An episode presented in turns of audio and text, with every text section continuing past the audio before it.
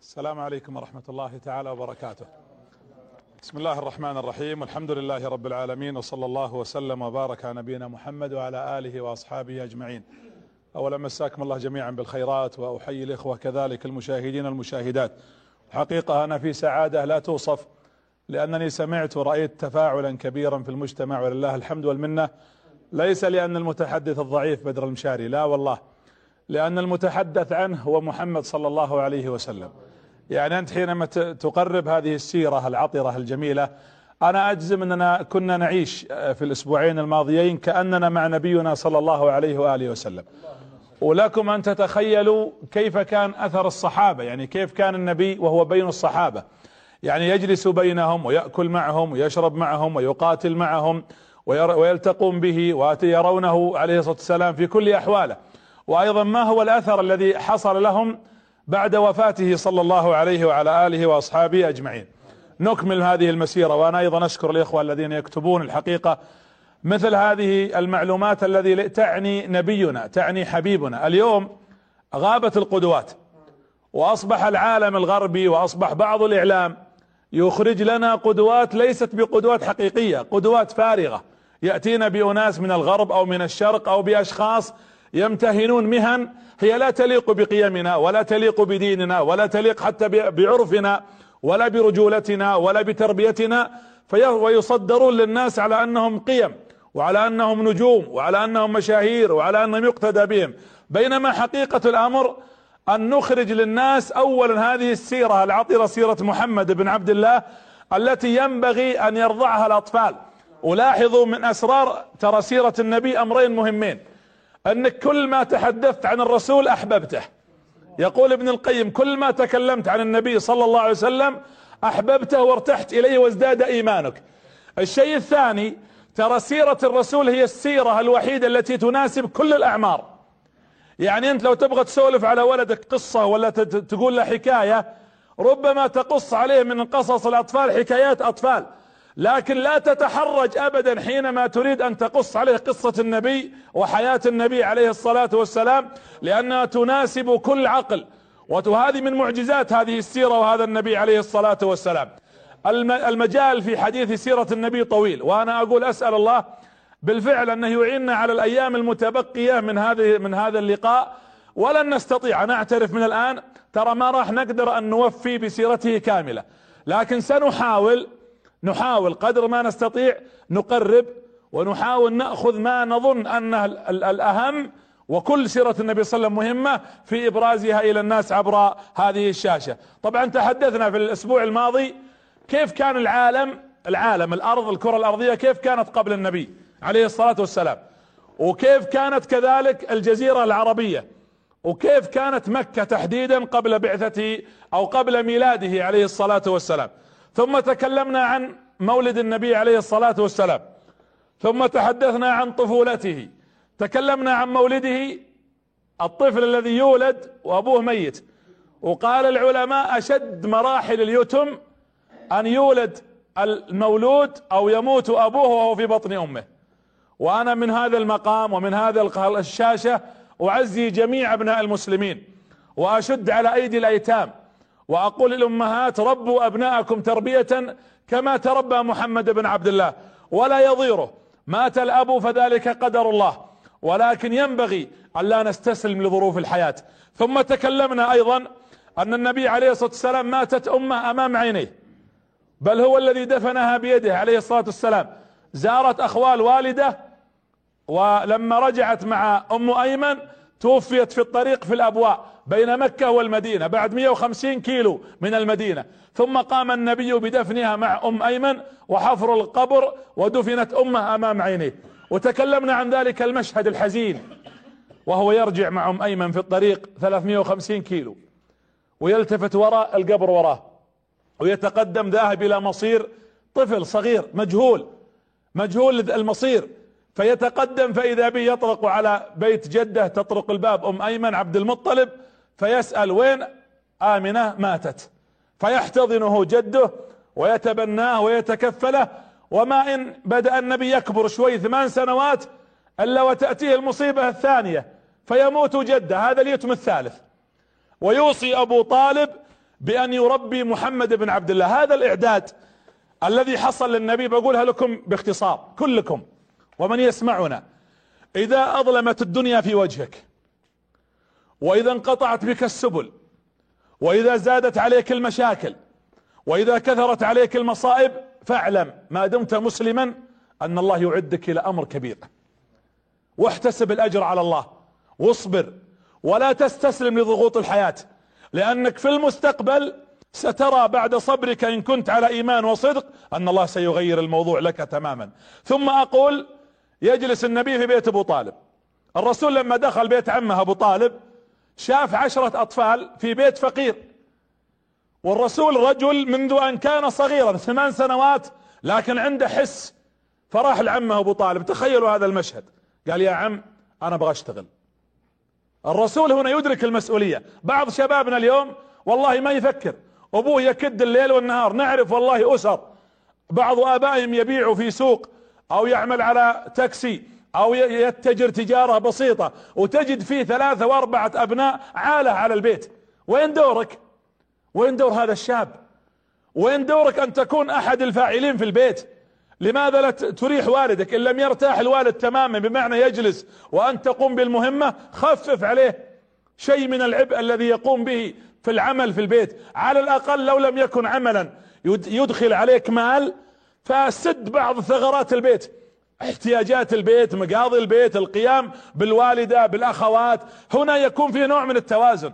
الشاب الذي لا يعمل باختصار اللي يبغى النجاح أنا أظن أنتم الآن بالنسبة لكم في برنامج زد رصيدك حتى وأنتم تقدمون برنامجا هادفا يعزز هذه القيمة قيمة العمل اللي ينام ولا يشتغل لا يمكن أن يقدم شيء ولا لا يا شيخ أبو عبد الكريم لا يمكن أن يصل. الحياة كذلك. هذه يعني خلنا نقول القرية اللي أنتم فيها هذا البرنامج هي حياة مصغرة. تحكي الواقع الحقيقي برا.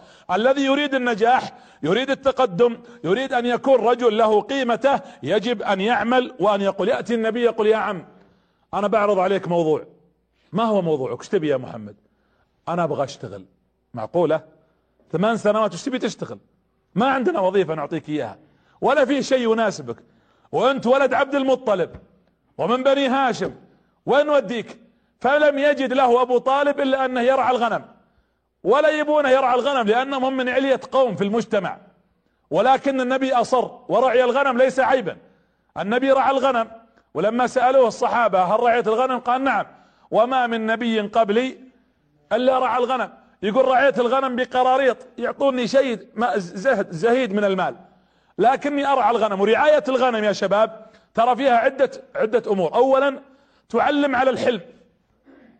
الحين الغنم مثل الأطفال مثل الناس في مثل الأمة. تتحرك وتروح وتجي ويحتاج إنه يجمعها ويحتاج إنه يقربها ويحتاج إنه يعلفها ويحتاج إنه يجلسها ويحافظ عليها في الليل وفي النهار وكيف يذهب إلى المرعى الذي يناسبها. هذا هذا الحلم يحتاج راعي الغنم. ليش النبي ما رعى طيب الإبل؟ ليش ما رعى البقر؟ الإبل رعاتها فيهم قسوة. يعني فيها نوع من تحتاج نوع من الشدة. والبقر ما تحتاج من يجمعها. البقر دائما تقعد مع بعضها. البقر الآن مجتمعة بدون ما تحتاج من يجمعها. أما الغنم فرعي الغنم يعلم أيضا على تجميع الأمة. لأن الرسول الله يجرب الآن أنت لبيدك يا محمد نعطيك تجربة. كيف تجمع الغنم؟ لأنه سيكون لك يوم من الأيام دور في في تجميع الناس. في تجميع هذه الأمة. أيضا النبي صلى الله عليه وسلم يجب أن يحمي الغنم الراعي يحمي الغنم من الذئاب ممن يأكلها ممن يعدي عليها يسرقها.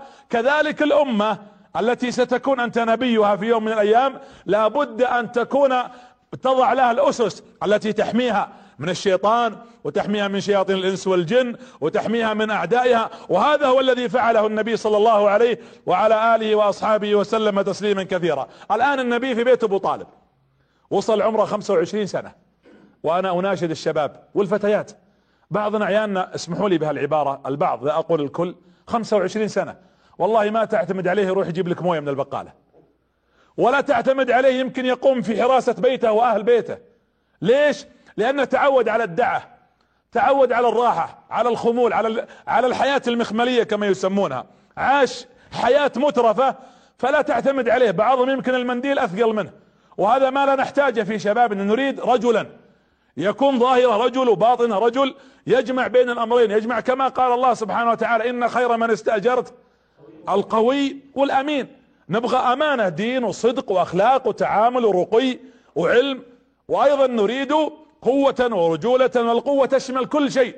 تشمل القوة في العقل والقوة في البدن وتشمل الشجاعة وقوة القلب تشمل كل مناط القوة إذا قلنا ذلك. النبي الآن عمره 25 سنة. وفي بيت أبو طالب ترى في بيت أبو طالب فيه عدو وفي حبيب من عيال من عيال عمه واحد منهم ألد أعداءه وهو من هو؟ عقيل. وواحد من عيال أبو طالب من أحب أحباب النبي من هو؟ جعفر علي توه ما بعد ولد في هذه المرحلة لأن علي أصغر عيال أبي طالب ورباه النبي صلى الله عليه وسلم وعمره ثمان سنوات في بيته وزوجه بعد ذلك فاطمة. وهذه التربية اللي ربى فيها علي ردا ووفاء العمة لأنه تربى ببيت عمه وعمره ثمان سنوات وأخذ علي وعمره ثمان سنوات. فهذا رد النبي من أوفى الناس صلى الله عليه وآله وأصحابه وسلم تسليما كثيرا. وفاطمة بنت أسد لما رد الوفاء فاطمة زوجة أبو طالب لما ماتت وش سوى النبي؟ خلع رداءه وكفنها. ثم بعد ذلك قال إنها رحمة أو أريد الرحمة أن تنزل عليها. ولما جو بيدفنونها قال انتظروا. ونزل النبي واضطجع في قبرها حتى تأتيها الرحمة والبركة. أي وفاء؟ يا جماعة الوفاء أصبحت عملة نادرة. أسألكم بالله سؤال وجاوبوني بصراحة. أنتم من يشاهدني. كم من معلم له فضل عليك؟ نسيته من يوم طلعت من المدرسة. كم من قريب له فضل يمكن ساعدك في مادة قضى عنك دين وقف معك في موقف من مواقف الدنيا الصعبة.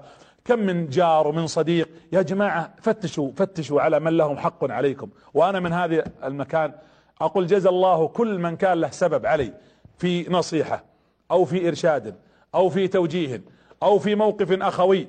فنرد الوفاء لأهل الوفاء ندعو لهم نردهم لو بالسلام. يا أخي افتح جوالك بعد هذا اللقاء وبعد هذا المجلس وشف ستة سبعة عشرة كل يوم ممن تحبهم وتذكر أن له موقف معك. موقف أخوي موقف ابن عم موقف رجولي موقف صداقة موقف جيران موقف زوجة موقف ولد موقف عم موقف خال. واشكره واذكره بالخير. وأيضا لا تنساه من دعوات إذا ليست ليس شرطا ليس الواصل بالمكافئ كما قال النبي. ما هو بشرط إنك تعطي مال.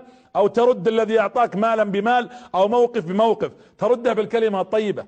الكلمة الطيبة حسنة. الكلمة الطيبة تسحر الرجال. ويبلغ النبي عليه الصلاة والسلام 15 سنة.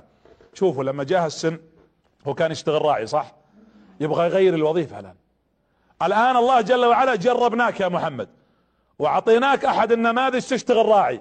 جاء العمة يوم بعد 15 سنة. لما جاء عمره 15 سنة قال يا عم أنا أبغى أغير وظيفتي ما عاد أبغى راعي. قال وش تبي تعمل؟ قال أريد أن أعمل معك في التجارة. شوف كيف كيف المراحل كيف النبي يتنقل. فعمه كان عنده تجارة لكن تجارة يعني خلينا نقول على قده. ودخل وعمل مع عمه في هذه التجارة. النبي عمل في التجارة مع عمه ومع عائشة قرابة الخمسة و يعني عشرين سنة من خمسة عشر إلى خمسة وثلاثين سنة وهو يعمل في التجارة منها عشر مع أبو طالب وبقيتها كانت مع خديجة رضي الله عنها وأرضاها. عشرين سنة. والنبي صلى الله عليه وسلم يبيع ويشتري في التجارة. يقولون التاجر أكثر شخص يعرف الشخصيات من عيونها التاجر. لأن التاجر يحب المال ويعرف هذا صادق وهذا بخيل وهذا سريع الدفع وهذا يتأخر في الدفع وهذا متلاعب وذا نصاب وذا حرامي وذا ياكل أموالي. فيقولون إنه يعرف الناس منذ أن يتعامل معهم. وأكثر الناس عندهم حدة. ونظر ومعرفة للناس هم التجار. ولذلك النبي دخل هذا المجال أيضا تهيئة إعداد له صلى الله عليه وسلم حتى يتعرف على شخصيات الناس ويعرف التجار ويعرف الغش ويعرف الإنسان الذي سمحا إذا باع وسمحا إذا اشترى. وكل هذا إعداد وأنتم تنظرون هذا الإعداد. إعداد رباني من رب العالمين إلى محمد صلى الله عليه وسلم. مدرسة حياة. يا شباب تعلموا. يا أخي تعلم. اطلع في وظيفتك روح مرة اشتغل في ورشة واشتغل في السوق واشتغل في التجارة وادخل في الوظيفة وتعلم مع الناس اجلس في مجالس عامة وخاصة قابل البادية والحاضرة سافر ادخل تتعلم لأن الحياة مدرسة وتجارب الحياة تكون مدرسة يتعلم منها الإنسان. يوسف عليه السلام جلس يتعلم في التجارة. ما هو كان يوسف في بيت العزيز؟ وكان عبد بيع يوسف وهو نبي. باعوه وشروه بثمن بخس كما قال الله. ولما جلس بيت العزيز جلس يخدمه مناظر. العزيز هو وزير المالية كان. فجلس ينظر. ولذلك لما جاءت المهمة العظمى الكبرى قال يوسف لأنه خلاص صار عنده خبرة. قال اجعلني أنا على خزائن الأرض إني حفيظ عليم. خلاص أنا جاهز. أنا تعلمت أثناء وجودي في بيت العزيز وخذيت هذه المعلومات وأصبحت الخبرة عندي. ادخلوا ميدان الحياة تعلموا. هكذا النجاح. ترانا الآن نسولف ونتكلم ونقص محمد الإنسان. ما بعد تكلمنا عن محمد النبي. لم لم لم يبلغ الآن برسالة. أنت يجب أن تأخذ حياتك بقصة نجاح وتعرض هذه القصة على انها أعظم قصة نجاح في التاريخ. صار شيء مهم. النبي صلى الله عليه وسلم شارك. شوفوا الآن تجارة مع عمه. في حرب صارت في الجاهلية عند قريش في في عند قريش تسمى حرب الفجار. مأخوذة من الفجور والفسق لأنها كانت حرب في في الأشهر الحرم. هذول بعض القبائل غزوا قريشا وأخذوا أموالهم وواجهتهم قريش. الرسول شارك في هذه الحرب قبل أن يبعث. شارك فيها وعمره 15 سنة. وكانت هذه الحرب فيها كر وفر. استمرت ثلاث سنوات. والنبي صلى الله عليه وسلم شارك حتى يقول هو عليه السلام كنت أرمي بالنبل. يعني شارك وهذا الإعداد الرباني إلى النبي عليه الصلاة والسلام الله يهيئك يا رسول يا محمد قبل تطلع للأمة وقبل نبعثك نبغاك تذوق مرارة الفقد واليتم وتذوق مرارة العيش. نعلمك أن الحياة ما هي بشيء لأنك أنت مخلوق أصلا لعبادتي ونهيئك لرسالتي. نعلمك يا محمد تعيش في بيت جدك ثم في بيت عمك ثم تتاجر مع عمك ثم ترعى غنم. والآن نعلمك الحرب. عشان يكون عندك نصقلك على خلنا نقول السياسة الحربية والعسكرية. ويدخل النبي صلى الله عليه وسلم هذه الحرب ثم بعدها بثلاث سنوات لما بلغ النبي سن 18 حصل حلف الفضول اللي وقع عبد الله بن جدعان.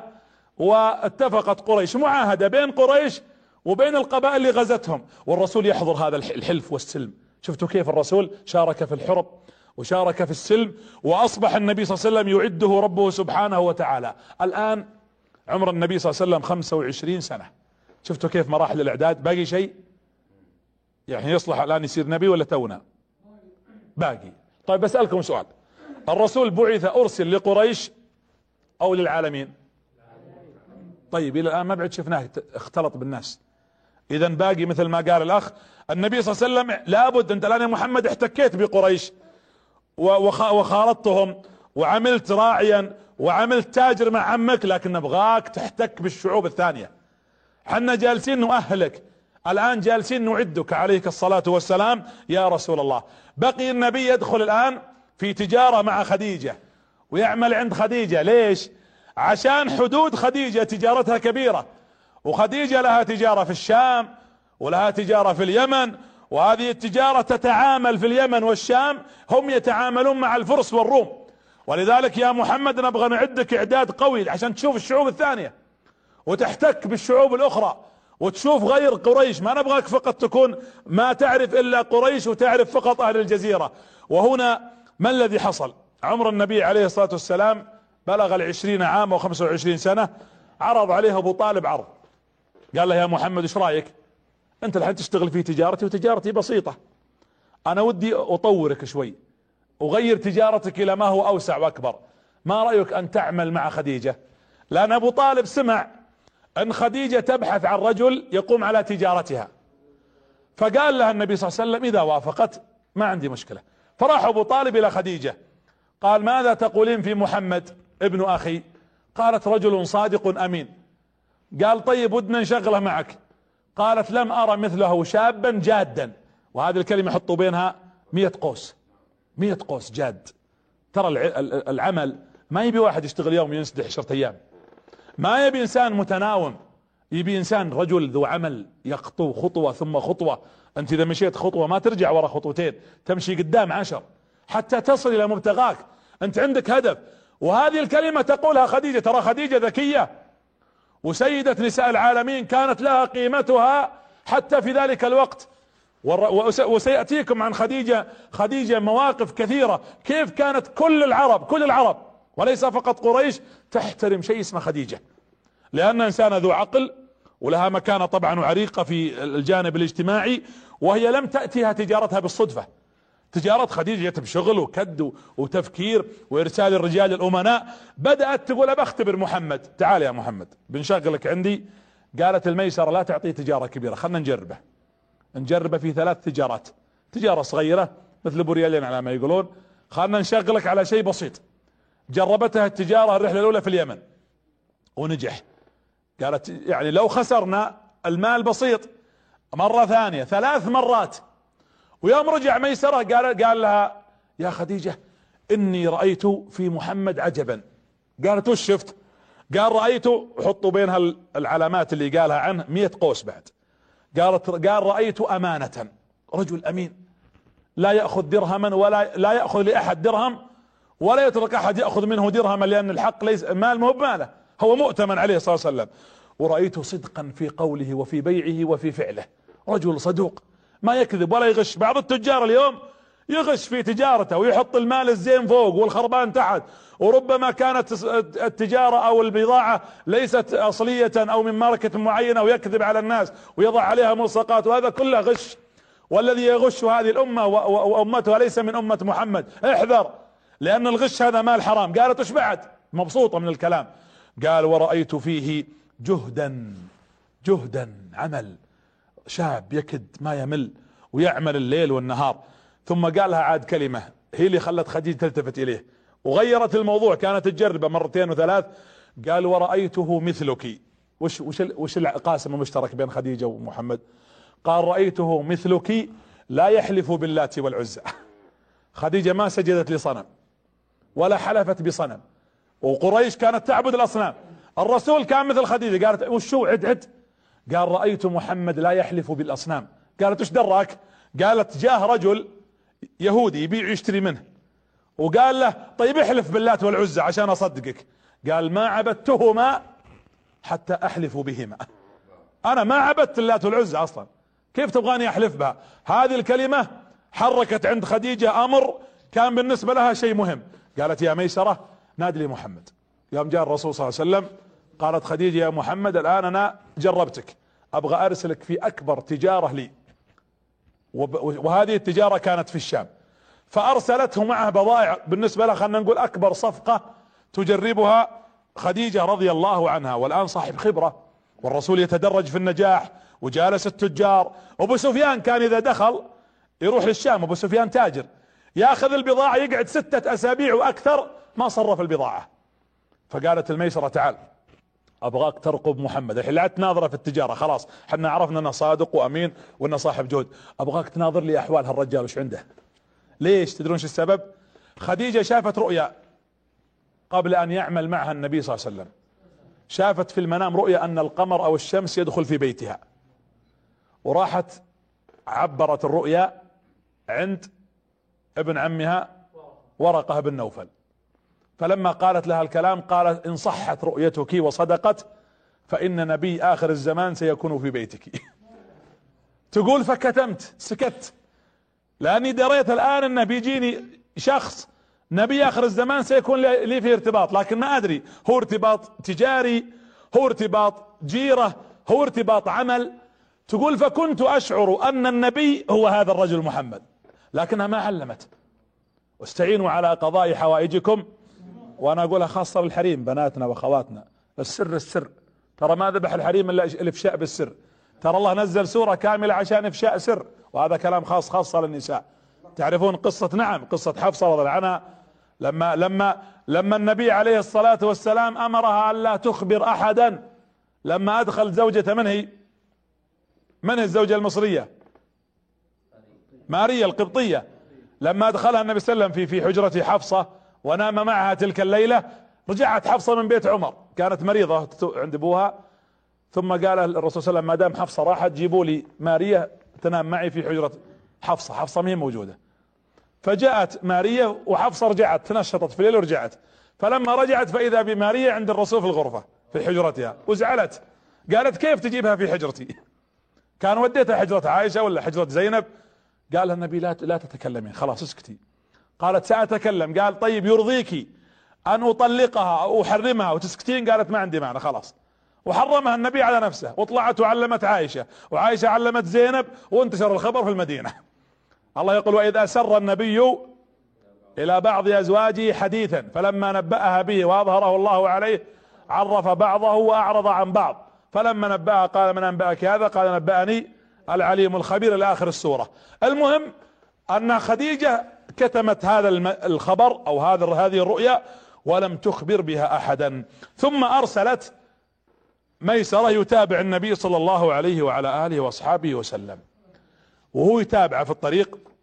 لما رجع قال لها يا خديجة رأيت من محمد أعجب مما رأيت في الرحلات الأولى. قالت وش رأيت؟ قال رأيت ثلاثة أشياء. الشيء الأول منذ أن خرجنا من هنا من مكة لين وصلنا الشام فيه سحابة. غيم. فوق محمد تمشي لين وصلنا ولين رجعنا في الشمس. تظلله. وقلت بختبره يقول أنا قلت يمكن السحابة ما هي بله. شلون بيختبره جاء ميسر للرسول قال يا محمد تسابقني؟ بتسابق أنا وياك. يقول بشوف يقول وأنا أركض وناظر يقول السحابة تروح فوق معه حتى هو يركض. إذا ركض أسرعت السحابة تظلل النبي صلى الله عليه وسلم. الآن خديجة جالسة تركب الموضوع على الرؤيا. قالت له بعد. وبعد وش شفت؟ قال ورأيته كلما جلس في مكان فيه شمس جاءته الشجرة الشجرة تكون صغيرة فتأتي فوقه تظلله حتى يأتيه الظل على جسده كله يعني مظلة بدون ريموت. ثم إذا قام رجعت الشجرة مكانها. قال طيب وش الأمر الثالث؟ قال رأيته راهب بحيرة ظاهب لما جاء يبتاع معه من اليهود يبيع ويشتري فوقف ونظر في وجهه ونادى ميسرة قال تعال. من هالرجال اول مرة نشوفه؟ قال هذا من قريش أرسلته خديجة. قال أعرف إنه من قريش بس من هو؟ ابن من؟ قال هذا محمد بن عبد المطلب ابن عبد الله بن عبد المطلب. قال هذا هو نبيكم في هذا الزمان.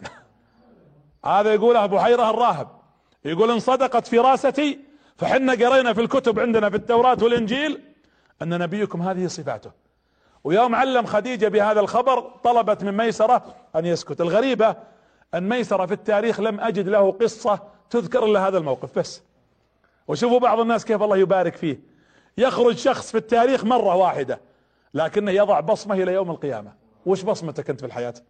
والله عيب أن يعيش الواحد منا ثلاثين وأربعين ومئة سنة ويموت ولا له أي أثر أعوذ بالله.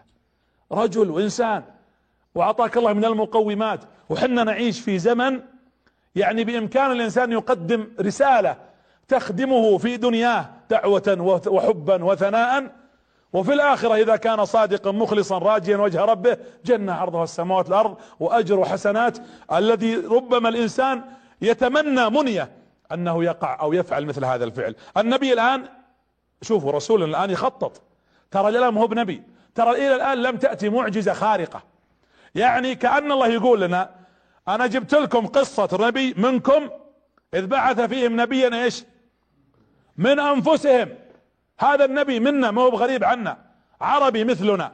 يتكلم مثلنا وينام مثلنا ويتعب مثلنا ويدخل الخلاء عليه الصلاة والسلام مثلنا ويتزوج النساء ويأكل ويشرب. إنسان مثلك.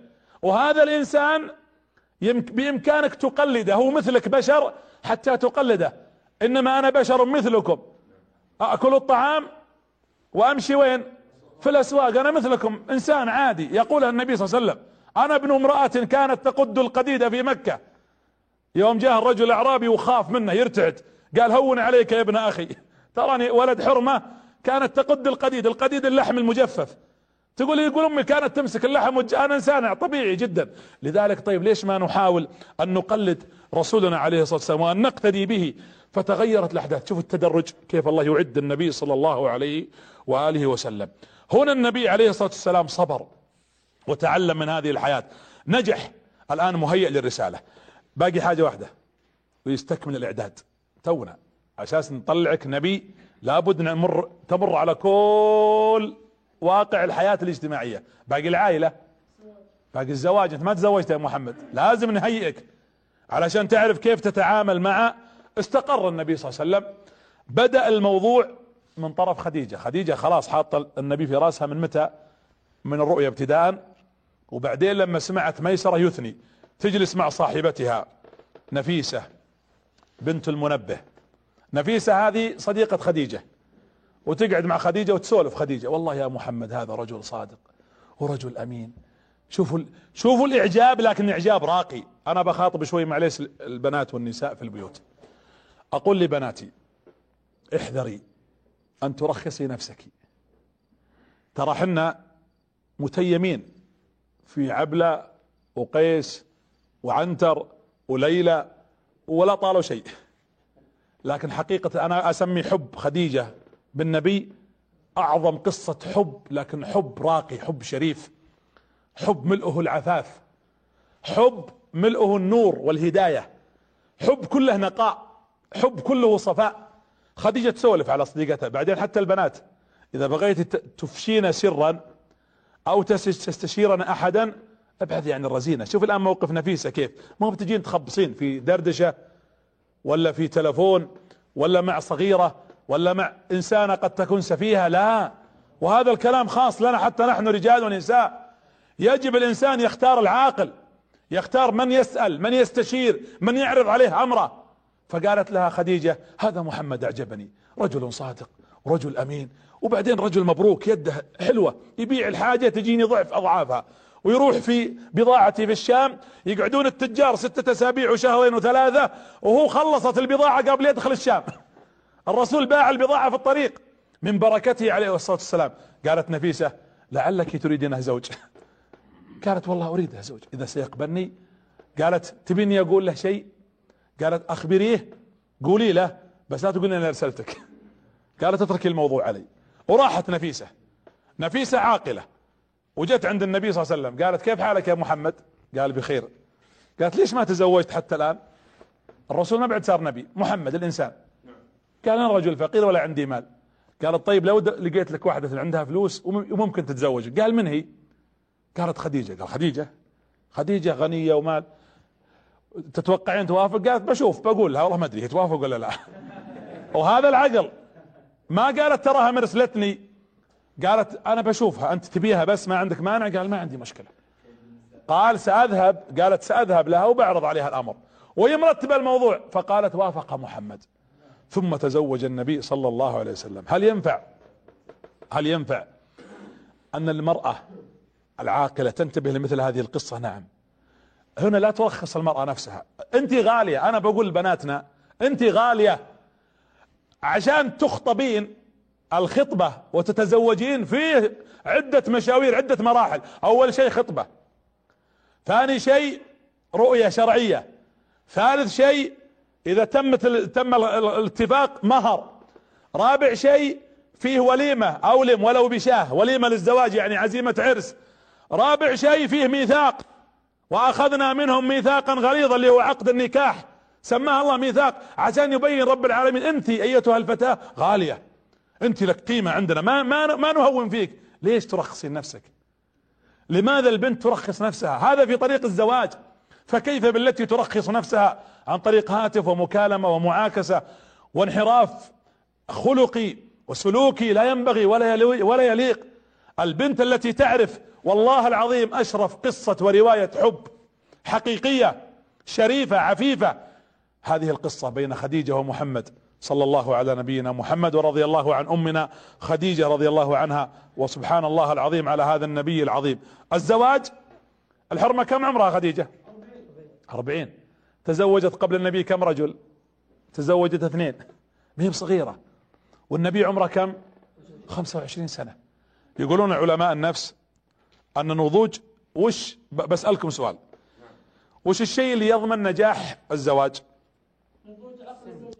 منها نضوج العقل.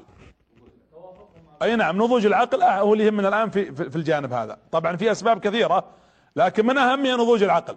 النبي في هذا السن 25 سنة ناضج ولا مو بناضج؟ ناضج لأنه محمد. وش كانت تقول حليمة السعدية؟ تذكرون كلامي الأسبوع الماضي؟ تقول فكنت أرضعه وكان يشب في اليوم ما يشبه الطفل في شهر ويشب في الشهر ما يشبه الطفل في سنة. معنى ذلك أنه يشب شبابا ويكبر جسدا ويكبر عقلا ويكبر نضوجا عليه الصلاة والسلام. هذا النضوج في سن 25 اذا فيه نضوج عند عند الرجل وفيه نضوج كذلك عند المرأة. وهنا أقول للأخوات وللبنات ولأولياء أمور البنات إذا جاءكم من ترضون دينه وخلقه فزوجوه. حتى وإن كان كبيرا أو صغيرا بمعنى الكبر ليس العمر الكبير. أنا طبعا ممن يميل إلى مثل ما قال أخوي الكريم التوافق. توافق الجانب الاجتماعي والتوافق الجانب العقلي والجانب حتى أحيانا ربما الدراسي. لكن لا يعني أن يكون هو السبب. هناك يعني خلينا نقول حالات معينة. قد تكون في ظروف معينة. لكن لا نحكم على الزواج بالفشل. إذا إذا كانت الأسباب والمقومات واضحة ومكتملة حتى نستطيع أن نزوج الرجل بالبنت. عندنا اليوم عشرات بل مئات من بناتنا. أسأل الله أن يزوج كل عانس. وأن يزوج كل ايم كل أعزب من شبابنا وأن يجمع بينهم على خير وأن يبارك للمتزوجين وأن يبارك لشبابنا وبناتنا وأن يجعل بيوتنا يا رب نرى البيوت تعيش في مودة وفي رحمة وفي سعادة وفي هناء وفي استقرار وفي تربية صالحة. يا رب تخرج لنا هذه البيوت المباركة أبناء يطبقون هذه السيرة ويقتدون بمحمد عليه الصلاة والسلام ونساء يقتدين بخديجة يقتدين بالصحابيات. اللهم آمين يا رب العالمين. طيب في فرق مادي ولا ما فيه أن قلنا العقل عرفنا أن فيه نضوج. هذه كبيرة سن فناضجة والنبي صلى الله عليه وسلم ناضج لأن الله جل وعلا أعطاه هذا النضوج مبكرا. طيب الفرق الاجتماعي موجود. خديجة غنية. لكن يوازي ذلك أن النبي من أسرة عريقة. وأنا أقول لبعض إخواننا أنا قابلت في كثير من الدول في سفرنا مجموعة من الدكاترة والمهندسين وبعض. ولكن ظروفها المادية صعبة. وهو من أسرة عريقة أحيانا يكون حتى من الأشراف. فنقول لكل أحد إن أكرمكم عند الله اولا إيش؟ أتقاكم. اثنين يجب أن تعرف إنك أنت تحمل إنسانية صادقة ودين عظيم وتحمل مهنة. يجب أن تجعل لنفسك بصمة. في حياتك ويقدر كل من أراد أن يصل إلى مكان وهدف واضح بين وليس من الخوارق سيصل إليه إن شاء الله تعالى مع مع مع الهمة ومع التواصل وعدم الوقوف وعدم الاستسلام. طيب لما تزوج النبي خديجة من سيصرف على البيت؟ هي هي غنية. الرسول عنده مال ولا ما عنده مال؟ لا. في هذه المرحلة عنده مال. النبي صلى الله عليه وسلم كان يبيع يشتري مع عمه ولا لا؟ فكون مال ليس مثل مال خديجة بلا شك. بل كان له شريك اسمه السائب ابن أبي السائب.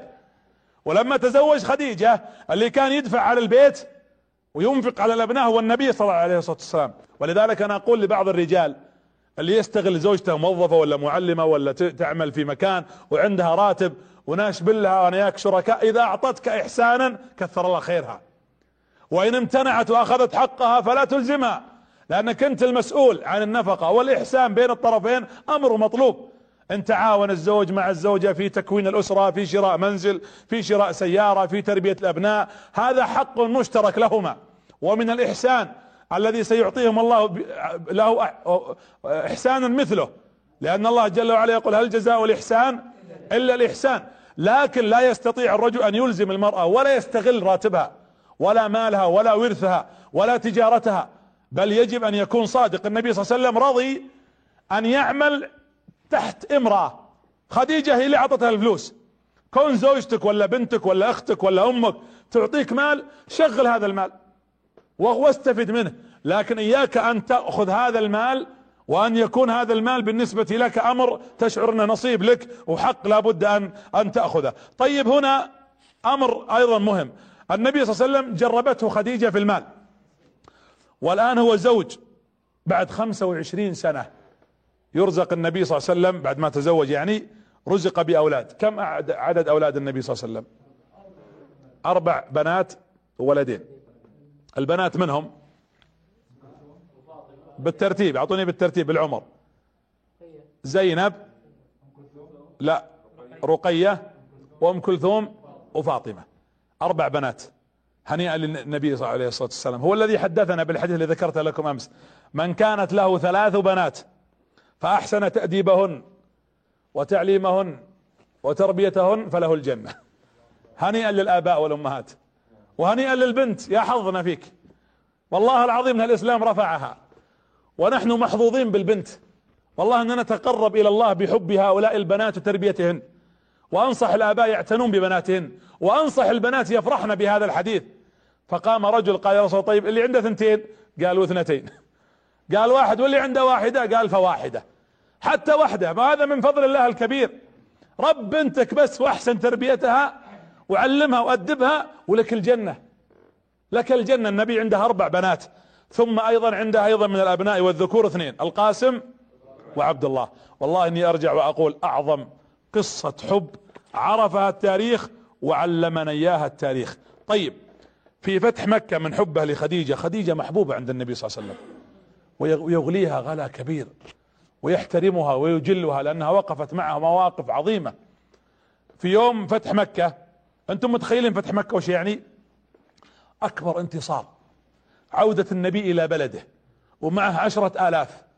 وكان أبو سفيان يقف معه سيفين ولما دخل النبي صلى الله عليه وسلم مكة وحطمت الأصنام في بعض الروايات أن الرسول ما حطم الاسنام بالفأس. إنما قال قل جاء الحق وزهق الباطل إن الباطل كان زهوقا وتحطمت كل الأصنام. ودخل النبي إلى إلى الكعبة. ولم يصلي معه في الكعبة إلا بلال. لأن الله يبغى يرد له مكانته. هذه حقوق الإنسان. هذه حقوق الإنسان عند محمد بن عبد الله.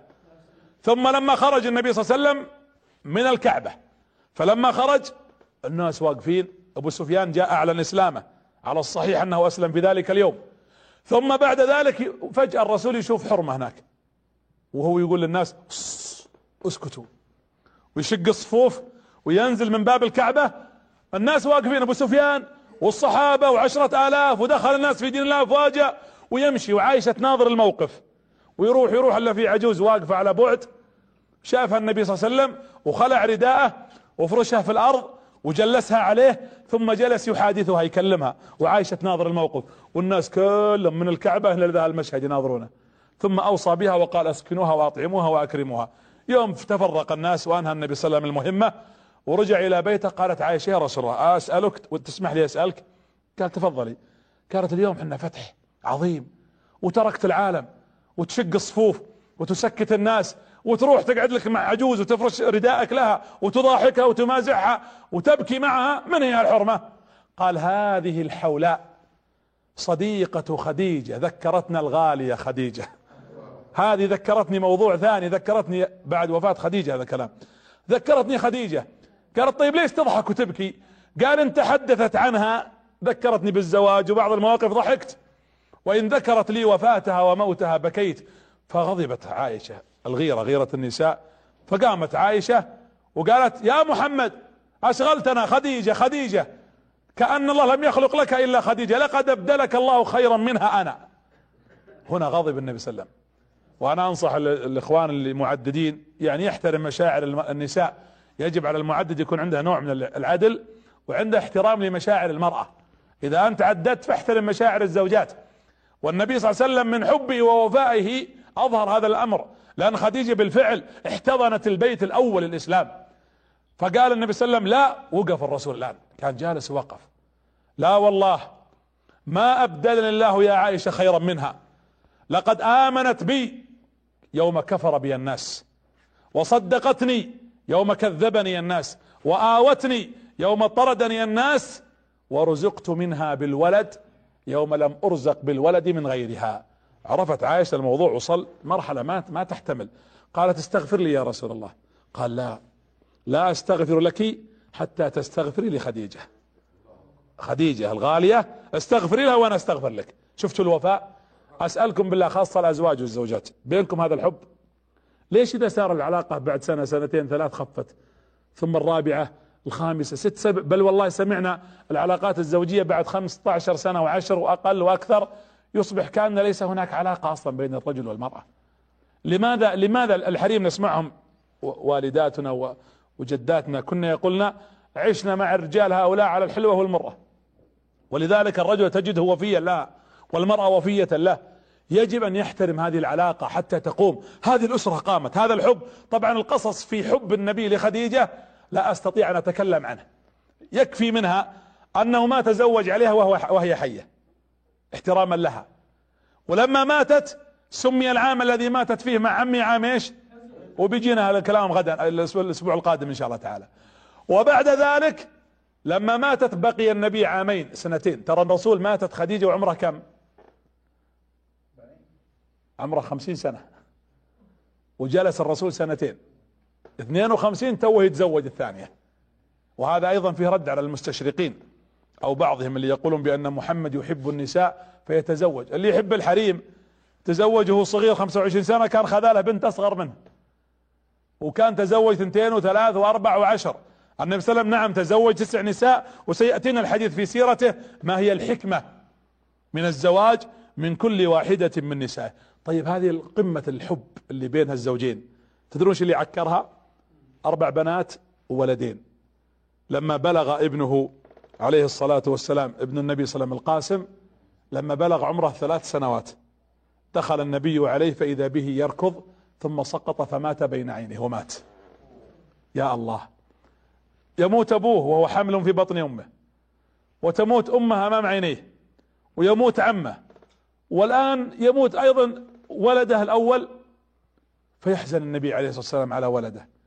وبعد سنة بالضبط يموت ابنه عبد الله. وعمره أربع ترى الطفل ونحن آباء نعرف والآباء يعرفون ذلك. الطفل من يوم يبلغ سنة ونص سنتين إلى أربع خمس سنوات هذه قمة خلنا نقول حبه لأبيه يتعلق الأب به. ومع ذلك يفقد النبي صلى الله عليه وسلم الابنين الاثنين الذكرين في سنتين. هذا عمره ثلاث سنوات وسنة بالضبط ويموت الولد الثاني وعمره أربع سنوات. ليش؟ لماذا يا رب؟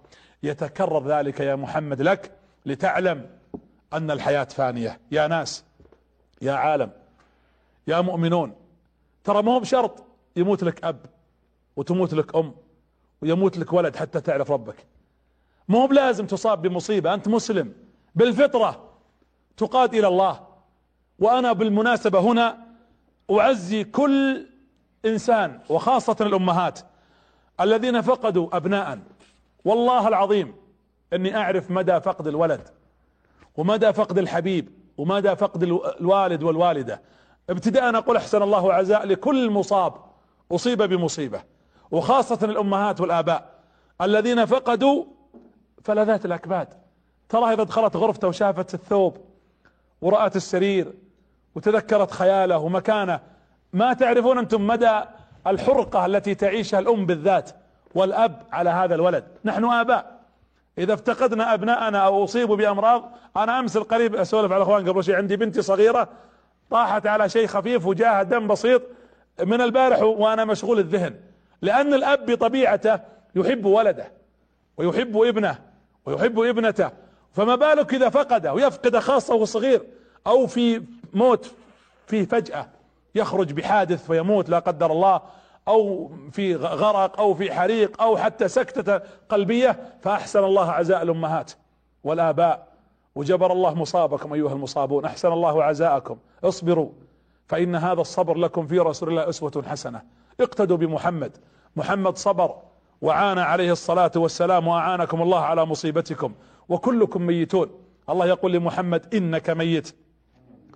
وإنهم ميتون. وإنكم يوم القيامة تبعثون. كلنا يوم القيامة سنبعث وسنخرج إلى الله. الله أمرنا ترى أن نعبده في كل وقت. قال الله واعبد ربك إيش؟ حتى يأتيك اليقين. لين يجيك الموت؟ من يوم تكلف وأنت يجب أن تعبد ربك. لين تقبض تقبض تلك الروح وأنت عبد لله. العبودية الحقيقية أن تتذلل بين يدي الله. يا أخي انسى الوجاهة شوي. انسى الكرسي شوي.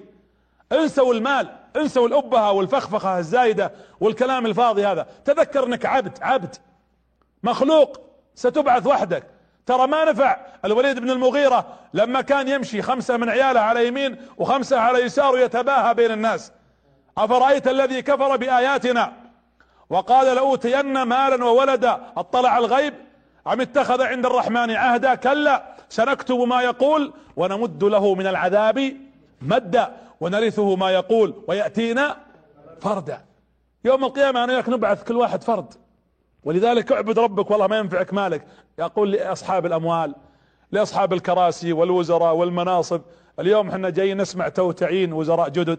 نسأل الله أن يعين المعينين وأن يبارك في من سلف. لكن نقول رسالة. إن المناصب لا تدوم لواحد. إن كنت تنكر ذا فأين الأول؟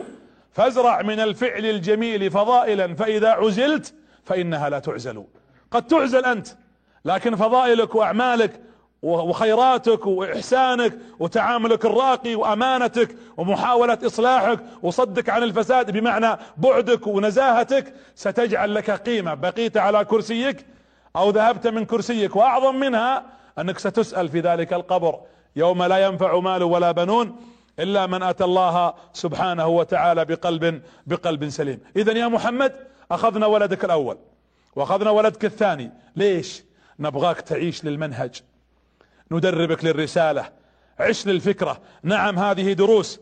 ويموت لك أحد وقريب يا محمد ونحن نشترك مع رسولنا عليه الصلاة والسلام في هذه النقطة. كلنا له مصاب وكلنا فقد حبيب. ولكن نقول النبي هنا بقي له شيء ولا ما بقى له شيء؟ الآن هذه مراحل تعليم وإعداد. بقى له شيء ولا لا؟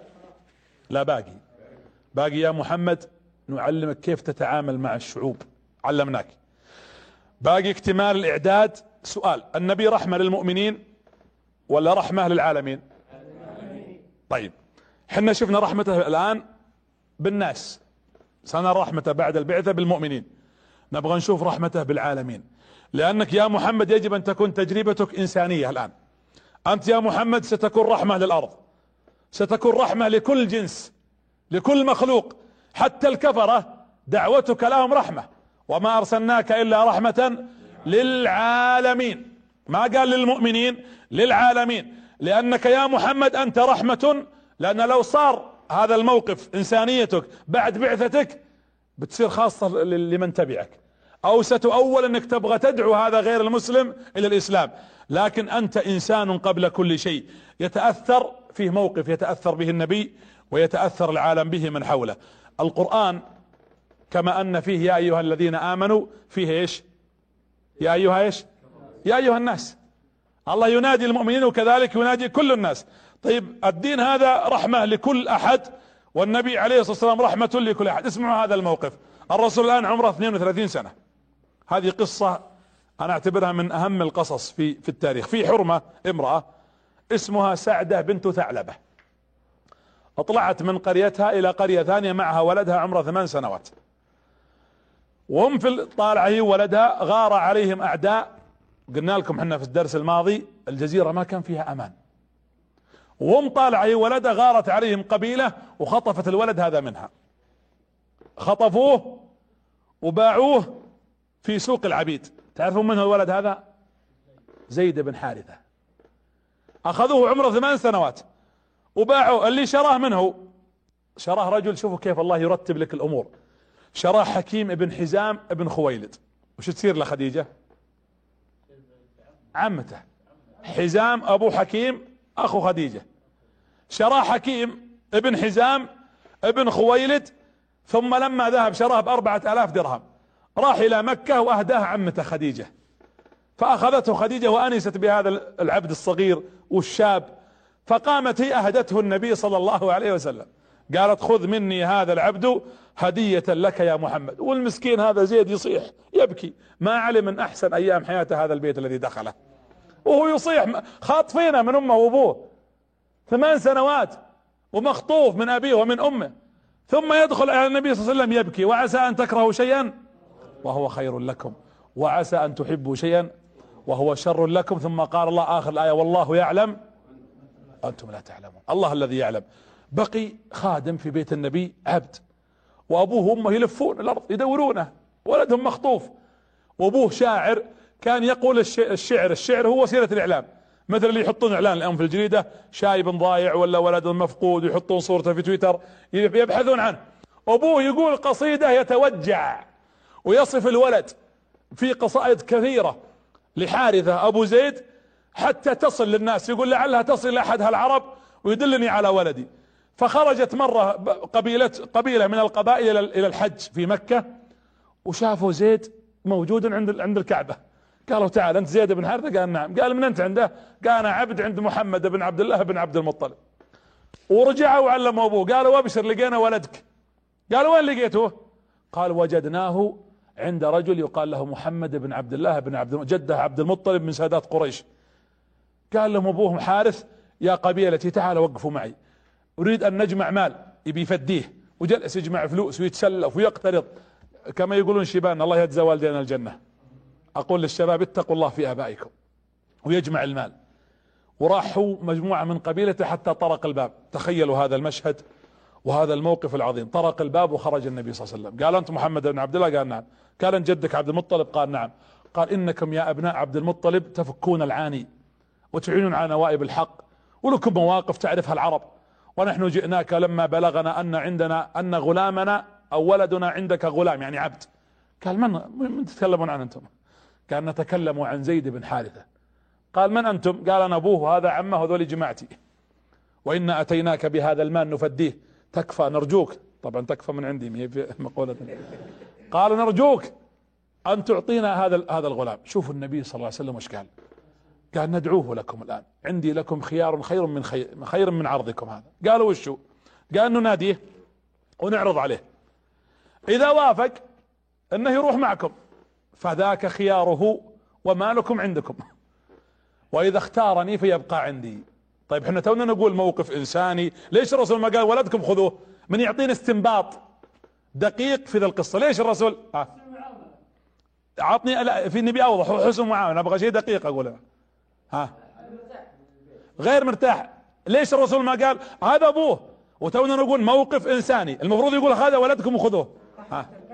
خير لأسامة لا هو, هو أبغى, أبغى إجابة أدق تفضل. تربية آه، الأطفال على أنهم يتعلمون اختيار الطريق جيد لكن مو باللي نبيه. سم علشان إذا اسمه معذور عشان إذا راح مع آه، ما عشان يكون له سبب إنه ما يأخذ الفلوس. لا لا لا هو هو باختصار لأن الرسول عرف أن زيد تعلق به. وهذا التعلق أنا يا زيد ترى أني أحبك بعد. وأبغى أثبت لك إني ماني مستغني عنك بهالسهولة. وخليت الخيار لك. هذه هذا جانب إنساني عظيم. أنا أقدر أقول هذا ولدكم وخذوه. طيب أنا ما أبغاك ما أبغى أبغى محمد. وكأنه يقول أنا ما أبغاك روح مع أهلك. لا أنا أقول ضعوا الخيار له. تعال يا زيد. وطلع. يوم شافهم سلم على أبوه واعتنقه وبكى أبوه وبكى عمه وبكى زيد والنبي يبكي عليه الصلاة والسلام. قال عرفتم؟ قال نعم هذا أبوي وهذا عمي وهذول جماعتي. قال يا زيد إن أباك قد عرض علي مال يفديك به. وإني رفضت هذا المال وقلت أخيرك إن أردتهم فاذهب معهم وإن أردتني فتبقى معي. قال أبوه تعال ونعطي محمد المال. قال لا والله والله لا أترك محمد لأجلكم. قال تقبل بالعبودية وتترك أهلك تصير عبد وتتركنا. قال والله إن جلوسي عند محمد بالدنيا كلها وإني رأيت من هذا الرجل ما لم أراه في قبيلتي كلها. ترى هذا قبل الإسلام ما بعد صار نبي.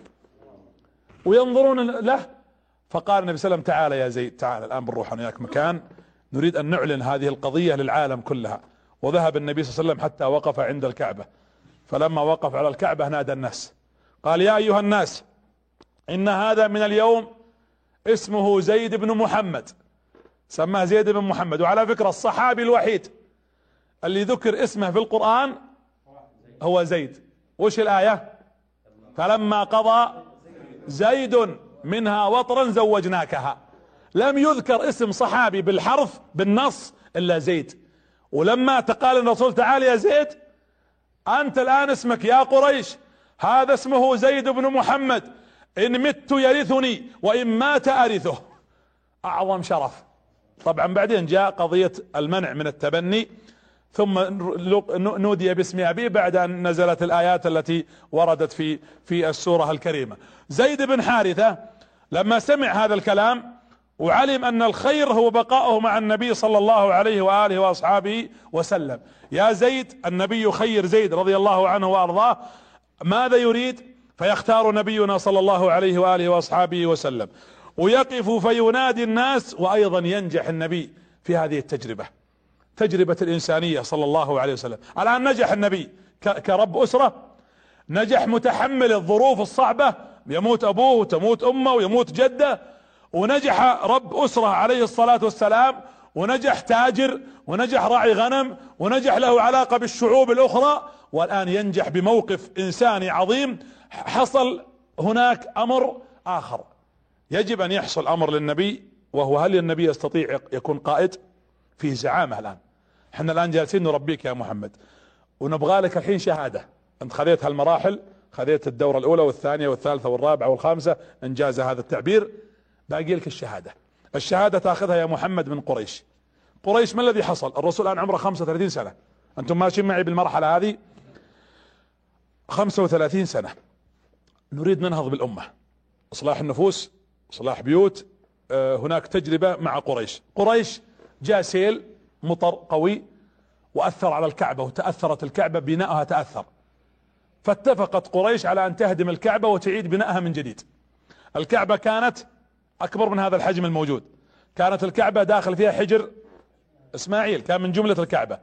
ولما جاء السيل بدأت تتهدد أطراف الكعبة قالت قريش نبي نعيد بناء الكعبة لازم نهدها. قالوا قريش لا ما نقدر مهابيل أنتم؟ لما جاء أبرهة يبغى يهد الكعبة أرسل الله له طير أبابيل.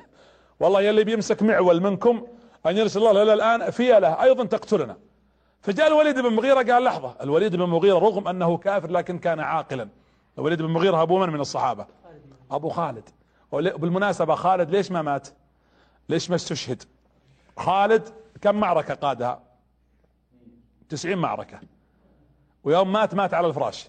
يقول والله ما فيه موضع في جسدي إلا فيه طعنة من رمح أو ضربة من سام أو من سيف وأموت كما يموت البعير على الفراش. لا نامت أعين الجبناء. ليش خالد ما قتل في المعركة؟ تسعين معركة. وسماه رب العالمين سيف الله المسلول. الرسول قال أنت سيف الله المسلول. بوحي من جبريل. وما مات إلا على فراش. يا ليت. ليش؟ لأن خالد بن الوليد سيف الله. وسيف الله لا يكسر. سيف الله لا يكسر. يموت على الفراش ما يكسر سيف الله في حرب. لأن من سماه الله حي يحيى يحيى. ومن سماه سيف يبقى سيفا حرا لا يكسر. وهذا هو سبب أن عمر يموت على الفراش. لأن الله هو سيف الله. كيف يكسر سيف الله؟ كيف يقتل في معركة؟ هو سيف لله مسلول. ويموت على فراشه. كذلك يحيى ابن زكريا عليهم السلام. قال الله جل وعلا زكريا كبير في السن شايب. قال إني خفت الموالي من وراي وكانت امرأتي عاقرا. وقد وقد بلغت من الكبر عتية. سأل الله يرزقه الولد. يا يحيى إنا نبشرك بغلام اسمه إيش؟ يا زكريا إنا نبشرك بغلام اسمه من اللي سماه؟ الله سماه يحيى. فسماه يحيى ليحيى. وكيف قتل يحيى؟ قتل مقتولا شهيدا. ما مات موته طبيعي. ليش؟ لأن الله سماه يحيى ليحيى. ولا تحسبن الذين قتلوا في سبيل الله أموات. بل احياء فهذه الحياة عند ربهم يرزقون. سماك الله يا يحيى يحيى لتبقى حي. والشهادة حياة وليست موت. قال عند ربهم يرزقون. بعض أهل العلم يقول أحياء عند الله يرزقون يأكلون يشربون ويتنعمون حتى تأتي يوم القيامة. هذا فقط استطراد والاستطراد في السيرة يجوز. 35 سنة جاء هذا السيل وقال لهم الوليد بن المغيرة أنا أقترح عليكم أمر. أننا نبي نهد الكعبة. وحنا نسوي خير ما نسوي شر. والله يعرف مقصدنا وهم كفار. فقالوا خلاص راح نتخذ المعول وبت إن ضربتها أول مرة ما جاك شيء شاركناك. وين رحت الله يخلف عليك. يعني أنت كبش الفداء. والوليد بن المغيرة اخذ المعول وهو خايف. فضرب الحجر ولا صار شيء. ثم جلس يكسر في أطراف الكعبة. ولما كسر وهدم جزء منها هرب كل اللي كانوا واقفين. قالوا سيأتينا. إما سيل أو زلزال. فيذهب. في هذه اللحظات يقف النبي عليه الصلاة والسلام ينظر طبعا المشهد. هذول جالسين يهدمون الكعبة ثم تركهم النبي صلى الله عليه وسلم. هدموها لكن لقصدهم خيرا وأرادوا بناءها. شوفوا الشرط اللي اشترطوه. يوم جاي يبنونها يوسعونها قالوا اجمعوا لنا مال. وقالوا بشرط لا تأتون بمال حرام.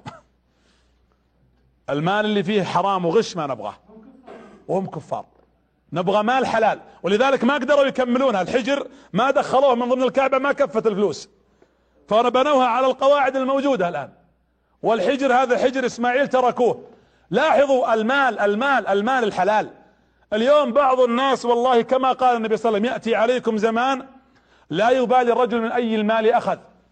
خذاه من حلال خذاه من حرام خذاه من ربا خذاه من غش خذاه بطريقة سرقة اتقوا الله. كل جسد نبت على حرام فالنار أولى به يقول النبي صلى الله عليه وسلم النار أولى به ثم يجمعون المال وتبنى الكعبة. يوم بنيت الكعبة بقى الحجر الأسود. الحجر الأسود ما حطوه في موقعه. فاختلفوا حتى أن قبيلة عدي اللي منهم عمر بن الخطاب جابوا طست فيه دم ودخلوا يدينهم فيه. قالوا والله من تقدم وضع الحجر لقتلناه وهذه يدينا فيها دم. ثلاثة أيام وخلاف محتدم اكمل هذه القصة فقط ثلاثة أيام والخلاف محتدم. احتدمت الخلاف بينهم.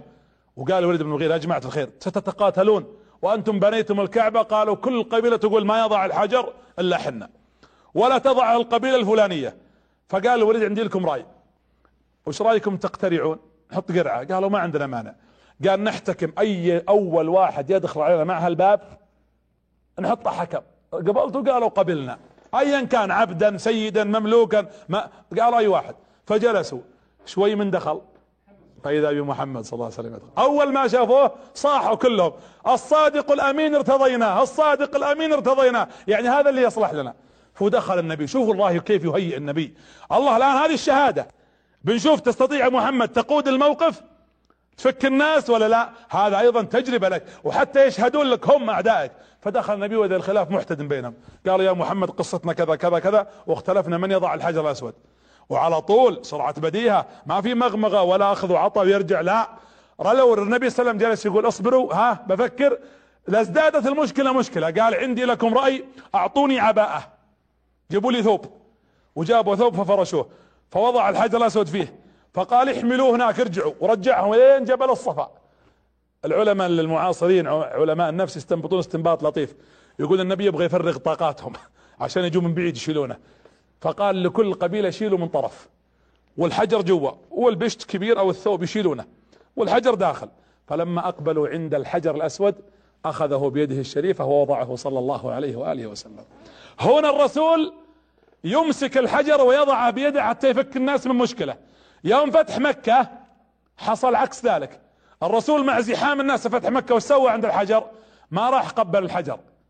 أشار إليه قيل بعصاه وقيل بيده خوفا على الناس أن يزدحموا ويتقاتلوا عنده. شوفوا كيف هنا يأتي يحمله يفك الأمة من مشكلة واليوم يشير إليه إشارة لأنه لم يستطيع الوصول إليه. ولا يريد الناس أن يتزاحموا عليه. فنجح النبي صلى الله عليه وآله وسلم في هذه أو في هذا الاختبار وفي هذه المرحلة حتى يكون النبي عليه الصلاة والسلام هو الذي يدير ويقود ويتزعم. صلى الله عليه وسلم. الآية تقول فإنهم لا يكذبونك.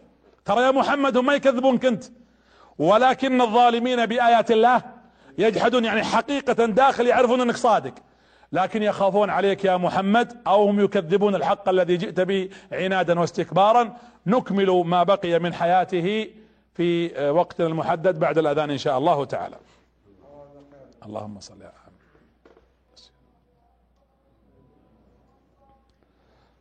آه، نكمل إن شاء الله تعالى. بسم الله.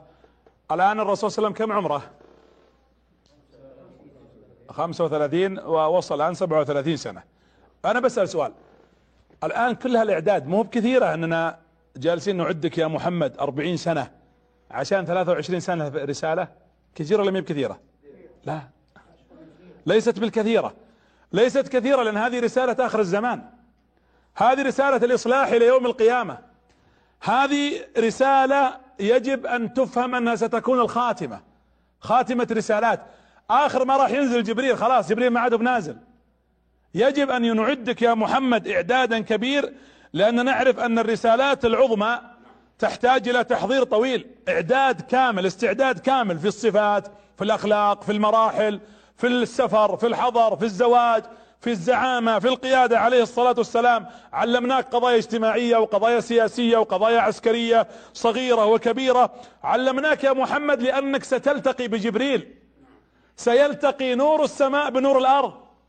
ويلتقي أمين السماء بأمين الأرض. طبيعي جدا أنت يا محمد لازم تعد لهالمراحل لأنك راح تقابل مخلوق جديد. راح تشوف كائن غريب. مخلوق عظيم أمين السماء. الرسول عليه الصلاة والسلام سيكلف برسالة السماء. رسالة نهاية العالم يوم القيامة. الأمر ثقيل. تمهيد تمهيد تمهيد. وهذا حب ورحمة ورفق بالنبي صلى الله عليه وسلم من ربه. مهده رب العالمين السنتين الأخيرة. الآن عمر النبي 38 سنة. ركزوا معي ترى أهم مرحلة هذه المرحلة. 38 سنة. بقي سنتين على 40 وعلى البعثة. السنتين هذه الرسول يعرف إنه بيكون رسول ولا لا؟ ما يدري. طيب الرسول لا ننسى يا محمد إنه بينزل عليك القرآن. الله يقول لو أنزلنا هذا القرآن على إيش؟ يا جماعة هذا كلام ربي مو بكلامي. لو أنزلنا هذا القرآن على جبل لرأيته خاشعا متصدع من خشية الله. طيب حنا بنزله على بشر. يا رب لازم يا يا محمد نهيئك أن يكون قلبك في في في خوفك من الله في تواضعك هو القلب اللين الخاشع. لكن في تحملك في تلقيك الأمر لازم يكون أقوى من الجبل. حتى تتلقى هذا الأمر الكبير. الله يقول إنا سنلقي عليك قولا إيش؟ ثقيلا. قول ثقيل. وترى نزلت الآية في أول أول من نزلت هذه الآيات في سورة المزمل. ولذلك سنلقي عليك يا محمد قولا ثقيلا. يا أخي الرسول الليلة الشاتية في البرد في عز البرد إذا نزل عليه جبريل بالوحي يتصبب النبي عرق. الصحابة يقول حنا جنبه نرتعد من البرد ونرى النبي ينزل عليه الوحي وهو يتصبب عرق واحيانا ينضجع على ظهره. من من شدة الموقف عليه الصلاة والسلام تمهيد هذا تمهيد ما هو بإعداد الإعداد خلصنا منه. تمهيد سنة وستة شهور. الستة شهور الأخيرة كانت التمهيد الأكبر. طيب وش التمهيد؟ في قبل ال... نعم هو أولها أن النبي كان يمشي تخيلوا في السنتين ويسلم عليه الحجر والشجر. يقول والله ما مررت على حجر ولا شجر إلا سلم علي. تخيلوا أنت تمشي يقول لك السلام عليكم يا محمد. يلتفت ما في إلا حجر. في بعض الروايات أنها كانت تقول السلام عليك يا رسول الله. والرسول يقول والله إني لا أعرف حجرا في مكة كان يسلم علي قبل البعثة. يقول أعرف الحصات هذه والحصات هذه أعرفها. هذا تمهيد لأنه يمشي يشوف السلام عليكم يا محمد. هذا هو التمهيد. التمهيد إن ترى فيه أمر بيجيك أشد لأنه بنزل عليك جبريل. لازم تتحمل تسمع صوت ما تدري من وين ترى الحجر. ويلتفت النبي صلى الله عليه وآله وسلم. ثم بعد ذلك النبي ينتظر الآن الحق. شوف الرسول ما كان ينتظر رسالة ابدا لكن يبحث عن حق. مثل قصة إبراهيم. شاف أبوه يعبد صنم فجلس يتفكر في آيات الله. فلما جن عليه الليل رأى كوكبا قال هذا ربي. فلما أفل قال لا أحب الآفلين. فلما رأى القمر بازغا قال هذا ربي. فلما أفل قال يا قوم. ثم قال فلما رأى الشمس بازغة قال هذا ربي. حتى رأى علم. فالرسول كان ينظر يبغى الحقيقة. يريد الحق. لا ما كان ينتظر الرسالة لكن كانت فطرته تقوده إلى الحق حتى جاءه جبريل صلى الله عليه وسلم. تمهيدات. ثم من ضمن التمهيدات له الرؤيا. يقول كنت أرى الرؤيا في السنتين الأخيرتين وتتحقق لي كفلق الصبح. لأن رؤيا الأنبياء حق ورؤيا آخر الزمان أيضا هي جزء من جزء من من من 46 جزء من النبوة. والنبي كان يراها وضوح الشمس لأن الرؤيا الصادقة كما قلت جزء من 46 جزءا من النبوة. يعني اللي يشوف رؤيا صالحة اليوم هو رأى جزءا من الحق والنبوة. جزء من 46 جزء من النبوة. والنبي عليه الصلاة والسلام كم بعثته؟ كم سنة؟ خذوا اللطيفة الفائدة تنفعكم. كم مدة البعثة؟ 23 سنة. 23 سنة قسمها على ستة شهور تساوي جزء من 46 جزء من النبوة. وهذه هي الرؤية الصالحة رؤية الأخلاق التي يريدها. وأنا أقول الذي يرى, يرى رؤيا حقيقية صادقة ترى نفسه طيبة. وأنا أبشر الإخوة لكن لا لا ننشغل بالرؤى لأن الرؤى كما يقول ابن سيرين لا يبنى على الأحلام أحكام. لكن الرؤيا الصادقة نستأنس بها. وأصحاب الرؤى الصالحة هم صالحون إن شاء الله تعالى وفي نفوسهم خير وصدق. ثم كما قال الإخوة قبل شوي وبدأ التمهيد يحبب إليه الخلاء. قال حبب إلي الخلاء. الخلاء أن النبي صلى الله عليه وسلم في السنوات الأخيرة طيب الرسول ثمانية وثلاثين سنة عمل في التجارة وعمل في البيع وعمل في رعي الأغنام وعمل في زعامة القوم وحارب وسالم. الآن بقي التمهيد الروحاني. شوفوا التوازن في ديننا. أنت يا محمد تعلمت الدنيا وخذتها. بقي الآن نضع موازنة. وأعظم من أعظم ما في ديننا الموازنة بين الروح بين الروح والمادة بين الروح والعمل. أن يكون في إيمان مخلوط بعمل. وهذا هو التوازن الذي جاء به النبي عليه الصلاة والسلام. آخر سنوات النبي عليه الصلاة والسلام حبب إليه الخلاء. يحب يختلي بوحده. يعني يكون مع الله. يتفكر في مخلوقات الله. يتفكر في آيات الله. بقول لكم شيء. تسمحوا لي أسألكم سؤال؟ ومن يشاهدنا؟ متى آخر مرة جلست مع نفسك تتفكر في خلق الله؟ تدرون شو يقول ربي لنا؟ وفي أنفسكم؟ أفلا أعطاك الله أول شيء أعطاك الله سماء وكواكب وأرض. قال الله جل وعلا وكأي من آية يمرون عليها في السماوات والأرض وهم عنها معرضون. الله يقول أنت الآن أقرب شيء لك نفسك. وفي أنفسكم أفلا تبصرون؟ لأنك أنت تمشي تناظر يدك. يا جماعة شوفوا شوفوا تركيبة الله لنا. يعني هذه اليد فيها مفصل وفيها ذراع وفيها الكتف واليد تتحرك بانسجام بنوع من الانسجام. الأصابع تتحرك. تخيل تخيل الآن كذا مجرد تخيل أنك تمشي بهالطريقة. صحيح كيف يكون حالنا؟ تخيل أنت بصرك العين ترمش يقولون في الدقيقة 180 مرة في الدقيقة الواحدة. النفس اللسان الأسنان بقية الجسد غير الوظائف اللي داخل الجسد. الكبد ووظائفها والكلى ووظائفها والبنكرياس. وحدث ولا حرج مما خلقه الله شيء نعلمه وشيء لا نعلمه. والدم والكريات الدم البيضاء والحمراء وغير ذلك. هذا خلق عظيم. ولذلك الله يقول في أنفسكم أفلا تبصرون؟ ثم قال وفي السماء رزقكم وما توعدون. فورب السماء والأرض إنه لحق مثل ما أنكم تنطقون. وفي الأرض قبلها قال آيات للموقنين. فيها آيات وفيها عبرة. تفكروا. يقولون أن الإمام أحمد بن حنبل خذ ورقة ورقة شجر. فقال سبحان الله هذه الورقة تأكلها الدودة فتخرج حريرا وتأكلها النحلة فتخرج عسلا. وتأكلها الماعز فتخرج بعرا. ألا تدل على السميع البصير؟ أو الماعز تخرج حليبا. تدل على السميع البصير. تدل على الله. فالتفكر يا جماعة تراه آية من آيات الله. الذي يعطيه الله التفكر أعطاه أمرا من أمور الدين شيء عظيم. كل من سجد لله وتفكر قام بسجود له لذة. وأن تصوم تتفكر للصيام لذة. وأن تقوم تقوم قياما صادقا لها لذة. لأن الله يقول ولكن الله حبب إليكم إيش؟ الإيمان. وزينه في قلوبكم. الله حبب لك. شوفوا يا شباب. وليسمع كل أحد. إذا رأيت نفسك مقبلة على طاعة اعرف أن الله حبب إليك الطاعة فلا تتوانى. لا تطيع إبليس. قم. أد الطاعة. ابن القيم يقول إذا رأيت نفسك أقبلت والدموع قد ذرفت فارفع كفك إلى السماء فإنها ساعة اقتراب وإجابة. الخلوة بالله سبحانه وتعالى أن يكون الإنسان راغبا يحب ان أن الله جل وعلا يقربه منه. لأن الله إذا كره قوما والله جل وعلا قال في قوله تعالى ولكن الله حبب إليكم الإيمان وزينه في قلوبكم وكره إليكم إيش؟ الكفر والفسوق والعصيان.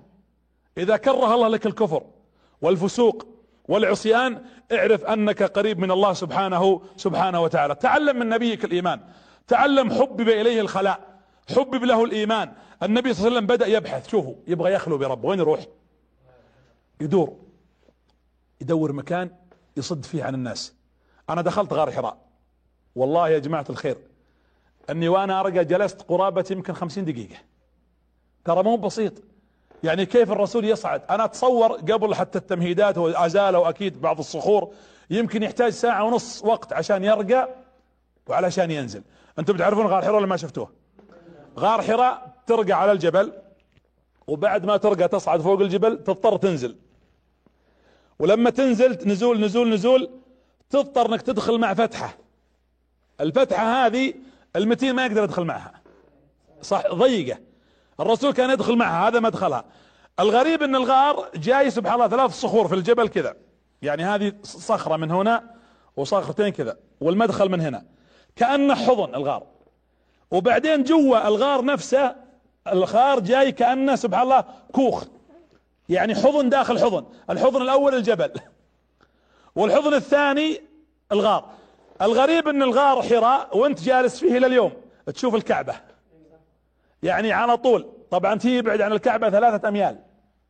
وأنت فيه تشوف الكعبة على بعد. الرسول أكيد جلس يدور يبحث عن مكان يختلي به مكان مناسب. يا جماعة الخير تخيلوا الرسول يروح لهالمسافة الطويلة ويصعد هالجبل البعيد وينزل شوي ثم يدخل مع ذا الفتحة ثم يدخل فيها الغار وبعدين موحش. الغار موحش. والرسول كان يجلس فيه في الليل ويقول كنت أجلس الليالي ذوات العدد. في الحديث ذوات العدد يعني العشرة أيام. وقطعا الرسول ما كان يقعد في ليلة مقمرة ما يجي في يوم ليلة البدر 13 14 وبدليل إن القرآن نزل عليه متى؟ عليه ليلة القدر صح ولا لا؟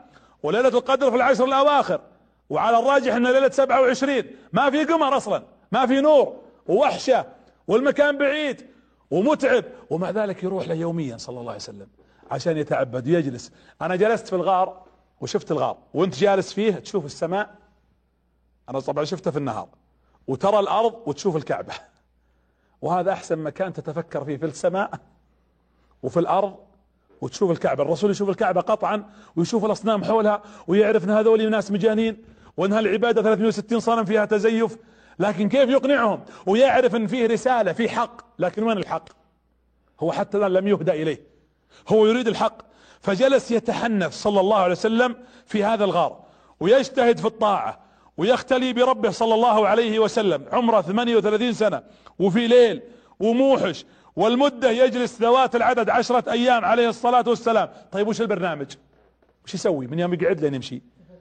يجلس النبي صلى الله عليه وسلم فقط يتفكر.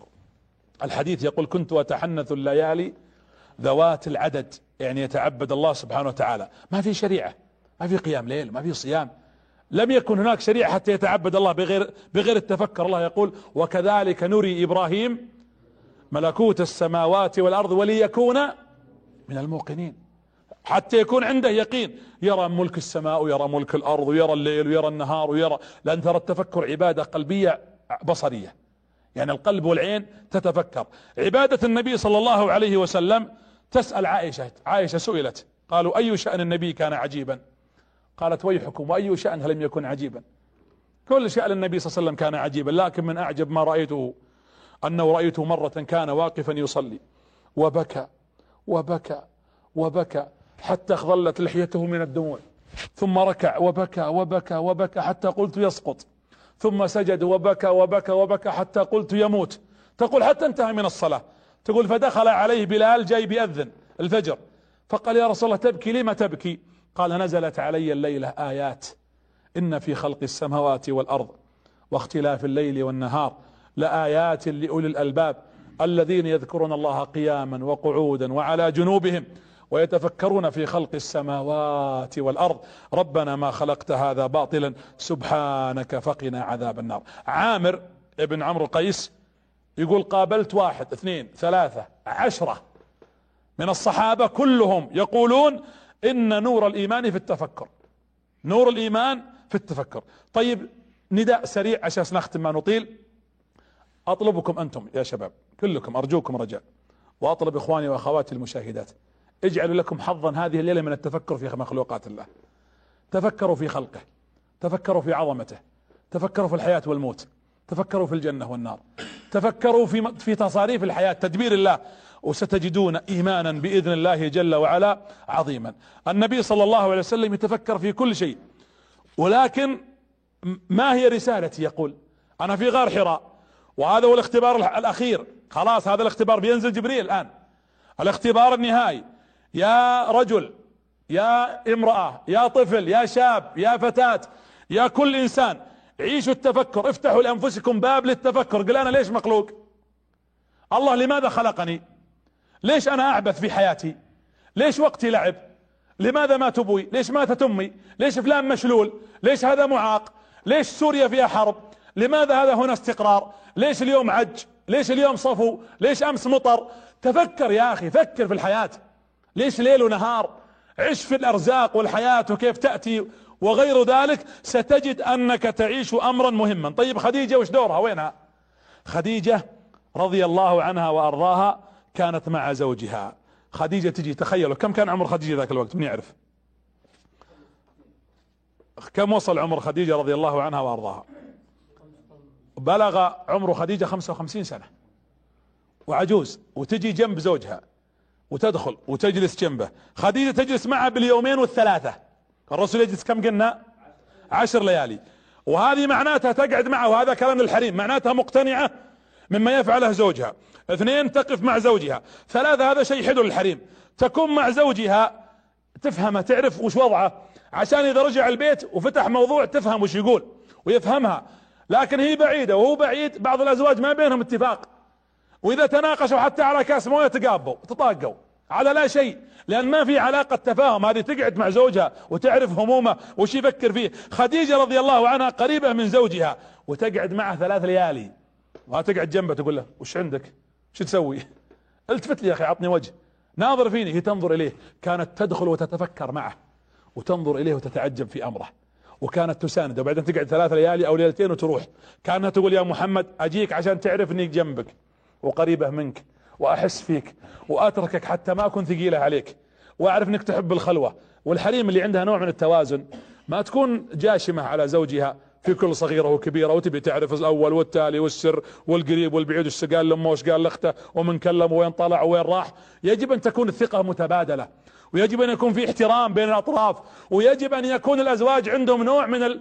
خلنا نقول يفهمون بعض. تفهم الزوجة زوجها ويفهم الزوج زوجته وبعد 13 سنة فإذا به تشاركه صلى الله عليه وسلم حياته. وتقف معه. في سؤال بسألكم سؤال. لو فكر واحد يقول بروح أنا أبا أبا بختلي في غار حراء نقول هذه السنة يجوز ولا ما يجوز؟ لا. الرسول ما فعلها. أنا وش أبي أوصل؟ لا يجينا واحد يقول خلاص أنا بقطع الناس وبروح في خلوة. لا مو بهذا المقصد. النبي صلى الله عليه وسلم يقول لئن تخالط الناس. وتصبر على أذاهم. خير من أن تعتزل عنهم ولا تصبر على أذاهم. نقول تخلو بربك حتى وانت تطوف بالبيت الحرام. تخلو بالله. وانت في سيارتك تتفكر بمخلوقات الله. وانت في بيتك في مسجد تقعد لك ساعة من الزمن. لا يعني ذلك اعتزال الناس. وليس هذا المقصود لأن النبي حتى بعد بعثته ما عاد رجع للغار. ولا أمر الصحابة يذهبون إليه. بمعنى يتعبدون كأن ذلك مكان عبادة مخصص. القصد أن تتفكر بالله. الله شرع لمحمد. إذا بغيت الخلوة فعندك الاعتكاف. وفي المسجد ومع الناس. لكنك تنعزل عن عن الدنيا وصخبها لكن تدخل المسجد. وعندك ناس وتصلي الجمعة. وتصلي معهم الفروض الخمس وتكون بخلطة الناس. عمر خديجة 55 سنة. تطلع هذا المكان. وتتعب. تدرون أن أن خديجة رضي الله عنها نزل جبريل يبشر محمد بأمرين لها. خديجة تخيلوا تجي في ذا الغار. أنا قلت لكم الغار أشبه ما يكون بال بالكوخ. أشبه ما يكون بالكوخ. وخديجة تجلس. قال الله لمحمد بشر خديجة أن لها بيتا في الجنة إيش؟ من قصب. من قصب زي الكوخ لكنه من لؤلؤ. كأن الله يقول مثل ما جيتي قعدتي وحنيتي ظهرك ودخلتي مع هالجبل ورقيتي وتعبتي في هالجبل لمثل الكوخ. عوضناك ببيت بالجنة نفس الشكل لكنه من ذهب ومن لؤلؤ. وانت كنت تتعبين رايحة جاية على هالجبل وانت عجوز؟ قال لا تعب فيه ولا نصب. هذا جزاء خديجة. جزاء المرأة الصادقة. التي صبرت مع زوجها ووقفت وقوفا جادا لأنها وقفت مع رجل أصبح نبي هذه الأمة صلى الله عليه وآله وسلم. بلغ النبي أربعين سنة. هنا بدأ الوحي. في هذا الغار الصغير. أنا ودي تشوفون رجاء في اليوتيوب ولا تشوفون في الصور. ترجعون لغار حراء. تشوفون ذاك الموقع. ليش الله جل وعلا ما جعل الرسالة والوحي ينزل في قصر؟ في مكان فيه فخامة. في هذا المكان لأنه يريد أن يقول لنا الهدف عندنا المنهج الهدف الرسالة الهدف الفكرة مو بهدف الأشكال الهدف عندنا الإخلاص الهدف عندنا صفاء النية الهدف أن تتوجه هذه الأمة صادقة مؤمنة بالله. في هذا المكان التقى حضن السماء بحضن الأرض والتقى نور السماء بنور الأرض والتقى أمين السماء بأمين الأرض والتقى جبريل بمحمد صلى الله عليه وسلم. جبريل نزل بلهفة. جبريل له 650 سنة منقطع الأرض ما نزلها. آخر مرة نزل في وقت عيسى ومن زمان على الأرض. ونزل بشوق. الرسول رايح ذيك الليلة لما بلغ الأربعين سنة بالتمام ويمشي. فدخل في الغار ثم جلس يتفكر ثم خرج من الغار. لما خرج من الغار وهو داخل تخيل وانت داخل كذا في مكان مظلم يطلع لك شخص مخلوق ما عمرك شفته. لا هو بإنسان ولا مخلوق وفي ليل وفي ظلام. ولا أحد ومكان موحش. ويرى جبريل عليه السلام. طبعا جبريل لا يخوف لكنه مخلوق بالنسبة لمحمد غريب. مخل جبريل 600 جناح. إذا نفضها في الحديث الصحيح تساقطت اللؤلؤ منه عليه الصلاة والسلام من جماله وعظمته. يقول فرآني النبي صلى الله عليه وسلم ورأيته. الرسول واقف الآن. تخيلت الموقف؟ فصابني رهبه يقول فجاءني شوفوا لفظ الحديث سأذكر لكم بالنص. يقول فوقف جبريل في وجهي. الآن ثلاثة أحضان. الحضن الأول حضن الجبل. والحضن الثاني حضن الغار. والحضن الثالث حضن جبريل. قال فضمني. والرسول يناظر ما يدري إيش السالفة. الموضوع خطير. قال له جبريل اقرأ. يقول وينظر إليه قلت ما أنا بقارئ. وش أقرأ؟ ما أعرف أقرأ أنا. يقول فأصابني الخوف. قال اقرأ. قلت ما أنا بقارئ؟ يقول ففك تركني. يقول فنظرت إليه. ثم في اللفظة الثانية الأولى قال احتضني احتضنني وضمني. الثانية يقول جبذني مسكني من هنا. ثم أخذ بشدة. قال اقرأ يقول حتى ظننت أن الموت جاءني. قلت وماذا أقرأ؟ قل لي ماذا أقرأ؟ يعني إيش تبي؟ إيش تبي نقرأ وبقرأ قال اقرأ. باسم ربك الذي خلق. أول آيات خلق الإنسان من علق. اقرأ وربك الأكرم. تخيلوا جبريل يقول هالكلمات ثم يفك النبي ويروح. طيب من أنت؟ وش المهمة؟ وليش نزلت علي؟ ما قال له أنا, أنا جبريل. ولا قال له أنت رسول. ضم اقرأ اقرأ ما أنا بقارئ. اقرأ ماذا؟ اقرأ اقرأ باسم ربك الذي خلق ثم راح وتركه. لأنك ما راح أنا اللي أقول لك. أنا لو جيت مع هالخوف وبعد أجي أقول تراك رسول وأنا جبريل ينهار يموت.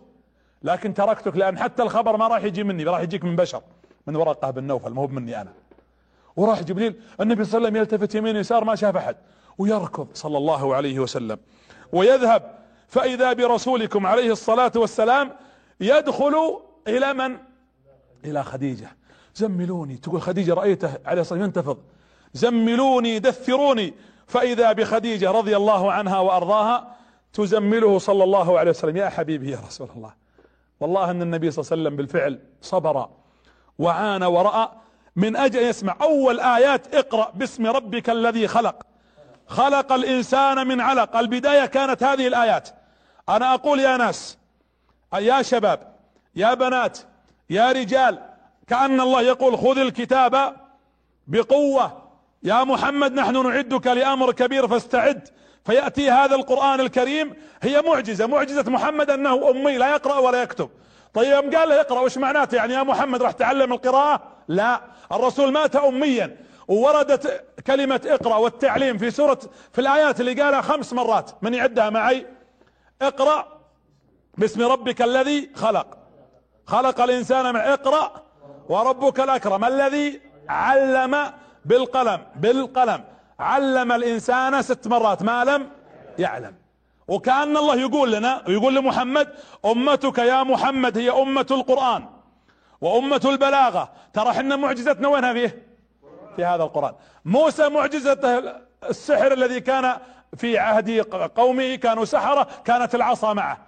وعيسى عليه السلام يبرئ الأكمه والأبرص لأن كان عندهم الطب والعلاج.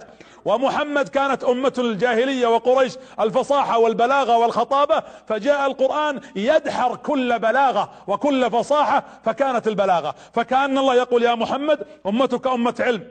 وترى من اليوم أنتم تعتمدون على هذا القرآن وعلى هذا العلم وستتطور هذه الأمة. ولا لو أن محمد جاب برسالة ما فيها أدوات اليوم ونجاح اليوم كان انتهت الرسالة في وقته. لكن بقي القرآن واليوم العلم الإضاءة والتكنولوجيا والتقنية الحديثة وغيرها مما نحن فيه كلها لأن أمة محمد صلى الله عليه وسلم أمة اقرأ. وللأسف الشديد نحن أمة اقرأ ستين في المية من أمة محمد اليوم في هذا العصر لا يقرؤون ولا يكتبون جهلة. وبالعكس كم لو بغينا نطلع نسبة الذين يقرؤون ويكتبون كم منهم يفهمون وكم منهم يعملون؟ كم مننا اليوم نقرأ ونكتب رسالات عليا وبروفيسور ورسالة ماجستير ودكتوراه وأبحاث ومكتبات عامة وإلى ذلك؟ لكن أين حقيقة العمل؟ أين حقيقة العمل ونحن أمة؟ أمة اقرأ الذي جاء بها محمد صلى الله عليه وعلى آله وأصحابه وسلم. كان فيه رجل يقال له أبو عامر. أبو عامر الراهب كان يشعر أنه قريب. يقول أنا بصير نبي. يشخص ويلبس ويتطيب ويتعطر. ويوم بلغه أن محمد نزل وأنه بعث وأنه صار نبي كفر بمحمد بن عبد الله. فأصبحوا يسمون أبو عامر الفاسق. بعد أن كان يسمى أبو عامر الراهب لأن الأصل في ذلك أن نصحح وان نجمل الظاهر والباطن وننشغل في الباطن ولا ننشغل في في كذلك ظاهرنا. نقف إلى هذا الحد. لكن خديجة تلقت النبي وهدأت وثبتت ورفعت روحها المعنوية وقالت لا يخزيك الله أبدا. سأذكر لكم عن خديجة مواقف وكيف بدأت البعثة. وكيف علم النبي أنه نبي؟ وكيف أيضا نزل جبريل مرة ثانية؟ كيف تلقاه؟ وماذا قال له؟ أترك إن شاء الله تعالى تفاصيل هذا الحديث في درسكم إن شاء الله جل وعلا القادم. نخرج من هذا الدرس نتعلم اولا أساس أن الحق هو الذي سيظهر بإذن الله جل في علاه. أن الله إذا أرسل الله لك فرصة الحب للإيمان فأقبل على الله ولا تعرض. يجب أن نعرف من هو جبريل ومكانته عند ربه في السماء. أمة محمد هي أمة إقرأ فيجب أن تقوم الأمة بدورها. المرأة الصالحة كخديجة مثالا لها دور في الحياة. بل هي وأقول للنساء وأختم لقاء هذا بهذه المقولة أول من ثبت رسول هذه الأمة وآخر نبي هي امرأة فهنيئا لكل امرأة مسلمة سارت على طريق خديجة. هدى الله الجميع لكل خير وزادنا الله وإياكم من فضله. أشكركم وأعتذر على الاسئلة